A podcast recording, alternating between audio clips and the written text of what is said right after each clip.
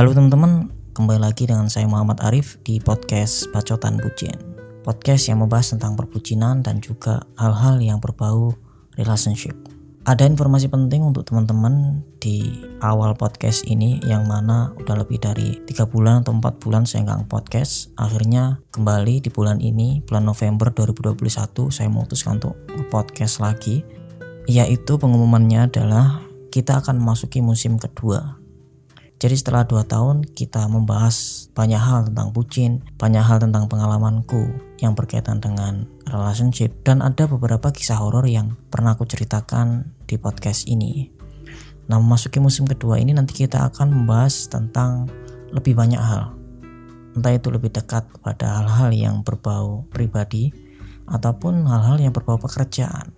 Jadi nanti nggak akan berkutat seputar relationship lagi dalam tanda kutip nggak akan bahas itu secara spesifik seperti dulu lagi. Selain itu nanti juga saya akan menjelaskan ataupun menceritakan tentang pekerjaan yaitu teman-teman yang barangkali mau terjun di dunia kerja ataupun ingin membuat sebuah pekerjaan sesi itu akan saya bahas gitu sesi ya mungkin sesi entrepreneurship ya kita akan bahas tentang bagaimana cara membangun sebuah perusahaan bagaimana cara membangun sebuah startup, bagaimana cara membangun sebuah usaha, membangun tim dan lain sebagainya. Itu nanti akan kita bahas di podcast Bacotan Bucin. Ya memang secara nama Bacotan Bucin tentu akan tentang bucin ya Tapi kembali lagi di tujuan musim kedua ini Saya akan lebih dekat ke teman-teman teman-teman follower atau teman-teman yang belum follow dan juga teman-teman yang suka mendengarkan podcast Bacotan Bucin saya akan bahas hal-hal yang lebih dalam, hal-hal yang yang saya rasa belum pernah dibahas di 60-an episode yang telah saya publish gitu. Ini juga akan berkaitan dengan Instagram pribadi saya, yang mana di Instagram itu saya menjelaskan hal-hal yang berkaitan dengan kepenulisan yang dikemas dalam bentuk storytelling ataupun bercerita. Podcast ini adalah bentuk storytellingnya gitu. Jadi kalau teman-teman males membaca ataupun nggak sempat membaca, maka teman-teman bisa mendengarkan storytelling ataupun cerita saya di podcast ini. Jadi di episode pertama ini saya ingin membahas tentang salah satu feed atau feed pertama saya di @arifau ataupun Instagram pribadi saya tentang menulis yang berujung bisa membuat sebuah perusahaan. Kok bisa gitu. Jadi kita akan bahas hal-hal itu ataupun hal-hal cerita itu yang lebih kompleks gitu ya di sini. Judul konten pertama saya di Instagram pribadi adalah dari menulis bisa mendirikan perusahaan sendiri ini adalah cerita inspiratif dari saya sendiri yang yang saya punya tujuan untuk membuat teman-teman semakin termotivasi untuk tetap menulis dan berjuang di kepenulisan gitu. Jadi jangan menyerah gitu. Nanti di akhir fit akan ada sebuah caption ataupun sebuah quotes yang mana itu bisa teman-teman jadikan penyemangat. Postingan ini sebenarnya terinspirasi oleh salah satu partner saya Pak Sri Dewanto Pinuji yang mana pernah bercerita bahwa apa yang dilakukan saat ini khususnya di dunia online baik itu membuat kursus kelas menulis bersama saya undangan menjadi pemateri di beberapa acara online dan juga menjadi penulis lepas itu tak lepas dari menulis atau beliau terjun ke dunia kepenulisan. Jadi ketika beliau mulai menulis ada banyak hal baru yang beliau bahkan nggak pernah menyangka-nyangka bahwa itu akan menjadi sebuah berkah ataupun jalan rizki lain gitu selain pekerjaan yang saat ini. Memang itu adalah kenyataan.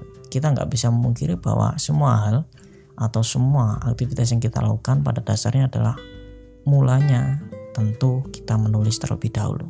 Seperti seorang anak, kegiatan menulis membawa berkah kepada empunya ataupun orang tuanya. Contoh lain adalah Raditya Dika kalau teman-teman mengikuti Raditya Dika sejak lama, pasti tahu bahwa Raditya Dika adalah seorang penulis, khususnya penulis kumpulan cerpen komedi.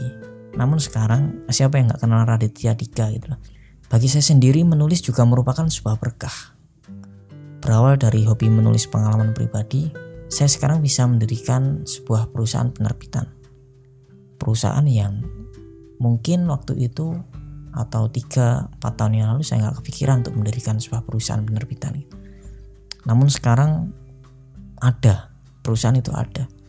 Dan saya berharapnya berguna untuk teman-teman penulis agar ketika mencari jasa penerbitan ataupun mencari hal-hal tentang kepenulisan bisa saya permudah gitu. Dan semuanya tidak lepas dari bagaimana saya membangun konsistensi dan menentukan target sejak awal ketika saya menentukan ketika saya memutuskan untuk menulis. SMP kelas 1 adalah titik awal saya menyukai dunia literasi.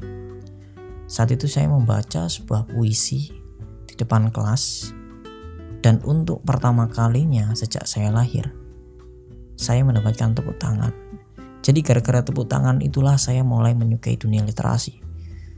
Entah kenapa. Hanya karena faktor itu saja. Level kecintaan saya terhadap public speaking, eh, terhadap literasi, dan kebahasaan-kebahasaan lain itu menjadi lebih besar. Mungkin itulah salah satu alasan kenapa kita sebagai orang umum gitu ya atau orang awam ketika ada orang yang mempresentasikan sesuatu kepada kita apalagi itu sebuah karya ya maka langkah baiknya kita apresiasi sekecil apa pun apresiasi itu. Termasuk tepuk tangan. Kalau dilihat dari cerita saya bahkan dari tepuk tangan saja saya bisa membuat sebuah perusahaan gitu. Itu menjadi sebuah motivasi sejak saya kelas 1 SMP gara-gara itu saja saya bisa membuat sebuah perusahaan. Apalagi apresiasinya berupa hal-hal yang lebih besar. Entah itu sebuah penghargaan sebuah nominal untuk mengembangkan diri dan masih banyak lagi gitu. Dan sejak saat itu ketika saya mudah mulai memutuskan untuk mencintai literasi saya mulai rajin menulis. Apa pun yang saya suka saya tulis semuanya. Sekian tahun berlalu sampai akhirnya saya memutuskan untuk mempublikasikan tulisan saya di blog pribadi. Dan dari situlah cikal bakal penerbitan saya hadir atau penerbitan saya lahir. Namun waktu itu namanya belum detak pustaka. namanya masih jejak Tarsius atau penggambaran saya yang aktif malam hari dan tidur siang hari. Tahun demi tahun dilewati, akhirnya pada tanggal 26 November 2017 nama detak pustaka lahir. Sejak saat itulah saya memakai nama Data Pustaka sampai sekarang atau tahun 2021 saat podcasting direkam. Selain untuk nama website, nama Data Pustaka juga saya resmikan sebagai nama perusahaan, lalu nama penerbitan juga, dan semua udah saya patenkan gitu, atau saya daftarkan ke Haki. Kalau mengingat ke belakang, sebenarnya Data Pustaka ini awalnya memang bukan uh, sebuah penerbitan, awalnya memang saya arahkan untuk menjadi blog atau website kepenulisan tapi saya nggak pernah mikir kalau bisa menjadi sebuah penerbitan nah ketika saya kepikiran untuk membuat sebuah penerbitan mulanya itu dari model bisnis pertama atau ketika saya mencoba untuk menguangkan website saya yaitu membuka jasa layouting buku dan editing naskah dari situ saya mulai mendapatkan klien penulis klien-klien dari perusahaan-perusahaan penerbitan lain dan juga bahkan saya pernah menangani klien-klien dari BUMN gitu. Setelah beberapa tahun saya menggeluti jasa itu pada tahun 2020 atau setelah tiga tahun nama retak pustaka lahir saya fokuskan pikiran untuk membantu penulis secara kompleks di bidang kepenulisan. Salah satu hal yang saya lakukan adalah membuat sebuah perusahaan yang khusus berjalan di bidang itu yaitu penerbitan. Lalu saya membuat kelas online. Pertama saya membuat kelas ngeblog ya tentunya, karena background saya adalah blogger dulu. Lalu saya bekerja sama dengan beberapa penulis lain, seperti ada Mas Amin, eh, Mas Dika, eh, Pak Dewa, dan masih banyak lagi untuk membuat sebuah kelas online. Kalau dilihat ke belakang apa yang saya ceritakan tadi, apa yang saya lakukan adalah implementasi kecintaan saya terhadap kepenulisan Kembali lagi, awalnya dari menulis. Seperti kutipan saya di awal podcast, benar kata Pak Sri Dewanto bahwa banyak hal besar yang kita nggak sadar berawal dari menulis. Menulis adalah jembatan kita untuk menuju sebuah kesuksesan. Bisa jadi. Jadi buat kamu yang sekarang sedang meniti karir di dunia penulisan, jangan berhenti meskipun sekarang kamu belum mendapatkan penghasilan dari situ teruskan aja konsisten Barangkali suatu saat kamu menemukan turning point atau titik di mana kamu bisa menguangkan hobimu itu. Contohnya saya waktu itu ketika saya kemarin menulis blog dan saya memiliki kecintaan terhadap dunia desain juga. Akhirnya saya memutuskan untuk bagaimana kalau saya mempromosikan jasa saya di blog. Akhirnya saya menulis. Dan tulisan itu terindeks di Google dan mudah dicari oleh orang. Dari situlah mulai ada penghasilan dari menulis gitu. Meskipun bukan pure dari menulisnya ya, tapi dari jasa yang saya tawarkan. Dan satu kutipan lagi, tidak ada Raditya Dika yang sekarang jika dia tidak menerbitkan bukunya dan mulai menulis. Termasuk kamu.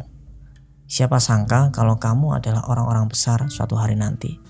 Jadi, tetaplah menulis, tetaplah berkarya, dan tetaplah konsisten untuk menjalani hal-hal yang kamu sukai, khususnya di dunia kepenulisan. Semoga podcast ini bisa membuatmu termotivasi dan juga membuatmu kembali throwback tentang apa sih tujuanmu menulis itu. Apakah ingin membantu orang? Apakah hanya mencurahkan uh, pikiran atau isi hati saja? Tujuan-tujuan itu adalah akan membantumu ke depan. Tulisanmu akan dikemanakan, untuk apa, dan manfaatnya untuk apa untuk orang lain gitu. Saya rasa podcast kali ini cukup sampai di sini. Semoga teman-teman suka dengan musim kedua ini yang bahasnya nggak seputar relationship aja atau bucin tapi lebih luas daripada itu. Khususnya saya akan membahas tentang story-story ataupun cerita-cerita saya cerita-cerita perusahaan saya cerita-cerita yang barangkali akan memotivasi teman-teman. Khususnya untuk berkreasi dan juga untuk menemukan apa yang teman-teman suka dan dijadikan sebagai ladang penghasilan. Sampai jumpa di podcast episode selanjutnya.